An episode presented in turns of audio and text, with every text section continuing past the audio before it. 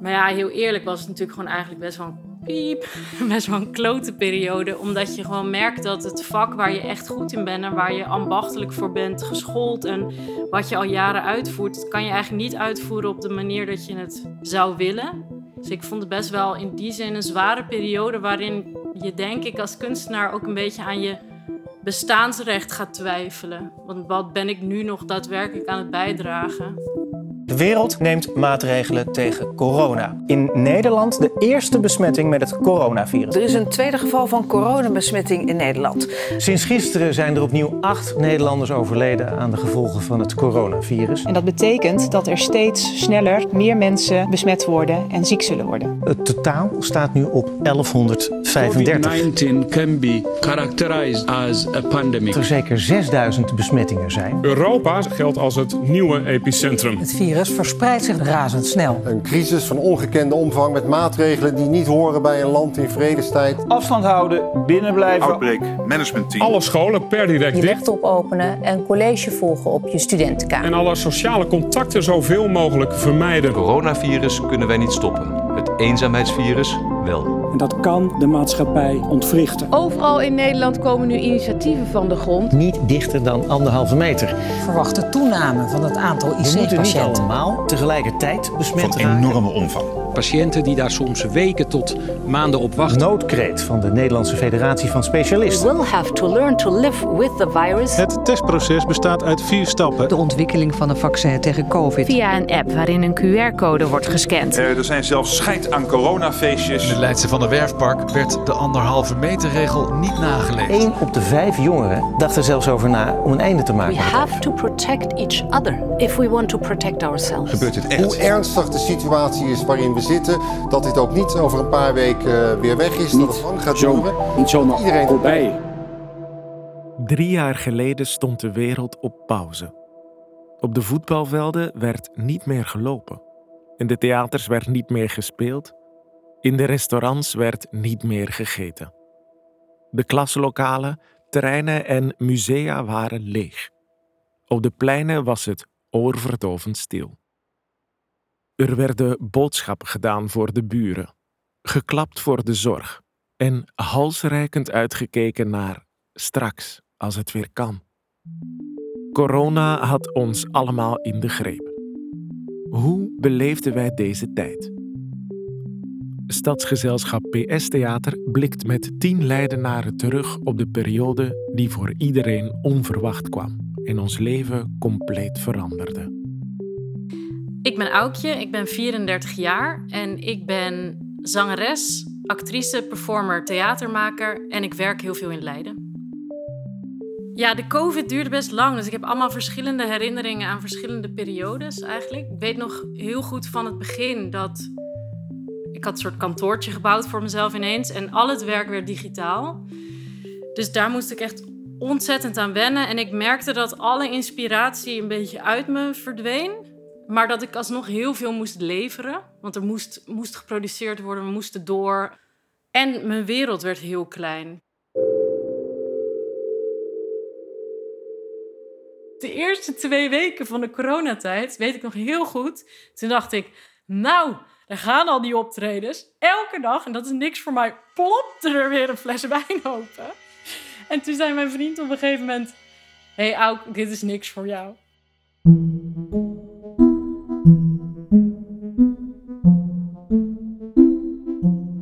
Zou met mijn eigen collectief cassette op locatie in Katwijk een voorstelling hernemen. Precies in de eerste golf. En toen hebben we gezegd: wij gaan in twaalf afleveringen een digitale reeks maken met delen uit de voorstelling, maar dan vanuit ons huis. Dus ik ging letterlijk thuis met mijn iPhone een scène filmen. En dat is echt best wel verschrikkelijk. Want uh, één, ik ben geen cameraacteur. En twee, er was geen cameraman. Dus ik was ook de cameraman. Maar dat voelde heel erg alsof ik iets aan het doen was waar ik niet mijn kwaliteit echt in kon leveren. Ik denk dat ik wel door corona en die tijd heb beseft dat ik mijn inspiratie nog wel het meeste haal uit contact met anderen in mijn werk denk ik dat ik me heel erg bezig hou met hoe we als mens kwetsbaar kunnen zijn. En hoe ik dat in mijn muziek of in theater kan stimuleren. Maar als je dan in corona eigenlijk bijna geen mensen tegenkomt of iedereen zit in een soort paniek, dan is er voor mij niet zo heel veel uitwisseling. Ja, de kunst als laatste, maar alweer als laatste. En dat vind ik op dit moment, na twee jaar, echt onredelijk worden en willekeurig worden. En ondertussen zitten wij alweer in een leeg theater en kunnen wij ons werk niet doen. Kunnen de mensen ook niet komen kijken en dat is doodzonde. Ik kan me niet voorstellen dat dit kabinet wel te boek staan als het lachertje van Europa. Als de enige Europese staat die zegt: wij vinden cultuur het minst belangrijke in het hele maatschappelijke leven. Nou, toen op een gegeven moment, toen mochten we weer het een en ander. Dat werd ook door iedereen zo gezegd. Dat werd echt, we mogen weer. En ook het publiek eh, had het daar steeds over. Dus dat was een soort van uh, hele broeierige periode. En inderdaad, de festivals, theaterfestivals, die kregen ook een go. En er lag een planning van een hele grote voorstelling waar ik de muziek van had gemaakt en in acteerde en zong. Dus ik had daar flink een uh, bijdrage in.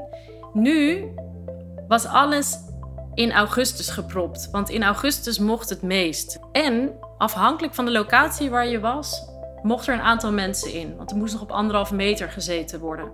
Dan krijg je dus dat je voorstellingen speelt voor, afhankelijk van je ruimte, meestal zo 40 tot max 80 man. Wat er dan gebeurt is, dan je me dus twee keer per dag spelen. En ik weet nog heel goed dat ik vooraf dacht: zo, dat wordt pittig. Dus ik had me daar ook echt op voorbereid. En ook van: oké, ik kan dit. Weet je wel, ik heb alweer gerepeteerd, dus ik ben in shape. En, eh, maar uiteindelijk, na een best lange tijd weinig performen, naar in één maand heel veel performen. En ook de druk die daar weer bij komt kijken. Er moest publiek komen, er moesten cijfers gehaald worden. Ja,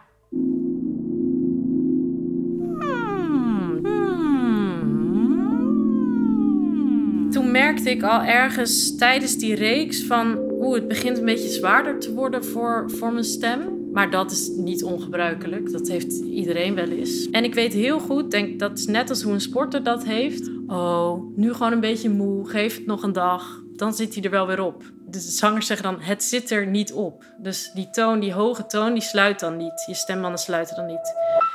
Als hij echt niet sluit, dan blijven die stembanden dus openstaan en dan wordt het dus heel hezig. En toen dacht ik oh my god, dat is niet goed. Toen dus KNO-arts gebeld, inderdaad, ik was daar. En toen bleek, net als hoe een sporter dat kan hebben, ik had gewoon een, eigenlijk een blessure op mijn stem opgelopen. Namelijk, toen zei de KNO-arts van, je hebt een overbelasting. Dat kan je dan zien, dan is het geïrriteerd. Hm? Toen moest ik dus een stap terug doen. En toen zei ik, oké, maandag heb ik een optreden. Ik denk dat ik dat moet afzeggen. Toen zei ze, ja.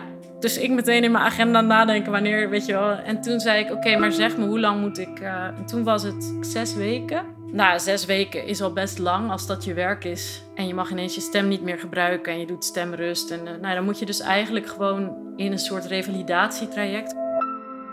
Maar wat ik daarna heb gemerkt is dat heeft veel langer nasleep nog dan ik had verwacht. Dus de pandemie heeft in die zin voor mij nasleep dat het feit dat je dus zo'n blessure op kan lopen, dat maakt dat je daarna ook nog heel lang doet over een soort herstel van vertrouwen. Dat is wel lastig. Ik heb het toen ook destijds gezegd van dit is mijn coronaklap. überhaupt in de podiumkunsten en ook misschien algemeen in de kunsten is dat natuurlijk ook zo lastig dat je het ook zelf zo graag wil en dat je daardoor ook sneller over grenzen heen gaat. En er komt dan ook nog mijn arbeidsethos bij. dus dat is bij mij wel een gevaarlijke combinatie, denk ik. Ja, ik voel me ook gewoon heel erg verantwoordelijk. Naar mezelf, naar mijn publiek en naar de mensen waarmee ik werk. die veerkracht is mega groot en heel sterk. Maar daar zit natuurlijk ook wel een houdbaarheidsdatum aan. Op een gegeven moment is dat ook klaar, is dat ook gewoon op. En daarom zijn zoveel mensen zich ook gaan omscholen, denk ik. Omdat je er ook achter komt dat er echt wel belangrijkere dingen in het leven zijn dan wat je altijd dacht dat heel belangrijk was. Namelijk je werk, waar je heel veel voldoening uit haalt, meestal als je kunstenaar bent. Maar er zijn gewoon grenzen. En ik denk dat heel veel mensen die grenzen wel hebben gevoeld of tegenaan zijn gelopen. En ik zelf zeker, absoluut. Ja. Maar aan de andere kant, ik heb nu een fantastische nieuwe zangdocent. Die mij een hele andere techniek leert. Waardoor ik heel andere dingen weer kan. Dus het levert ook weer dingen op. En ik vind het wel prettig om er op die manier naar te kijken. En het levert ook op dat ik bij mezelf nu steeds meer me afvraag: wat wil ik uit mijn werk halen en wat wil ik uit mijn privé halen? Voor mij is het hele interne gesprek daarover ook wel daardoor gestart. En ik zou het iedereen een keer aanraden om te proberen om een dagje mond te houden, want je komt uh, een heel andere kant van jezelf tegen.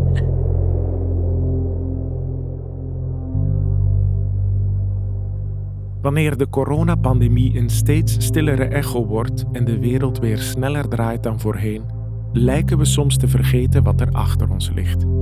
Een periode van onzekerheid, verlies en spanning, maar ook een tijd van verbroedering, vertraging en hoop. Bovenal waren het drie jaren die levens veranderden. Soms groots en rigoureus, soms subtiel en bijna onopgemerkt.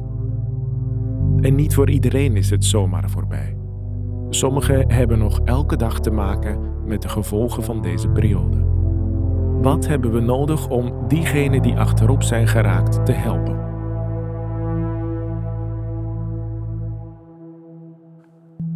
Deze podcast is gemaakt door de makers van Stadsgezelschap PS Theater. Thijs Huis, Julia Smits en Pepijn Smit. In samenwerking met de gemeente Leiden. De muziek en mixage is in handen van Ralf Gerritsen. Wij willen Amina, Kishore, Leendert, Lonneke, Aukje, Peter, Sylvia, Trudy, Walter, Samer en Ali heel erg bedanken voor het delen van hun verhalen. De korte nieuwsfragmenten die voorbij kwamen waren van het NOS-journaal, Nieuwsuur, het Jeugdjournaal, VRT Nieuws en de BBC. Voor meer informatie over de podcast Niet zomaar voorbij, kijk op www.pstheater.nl.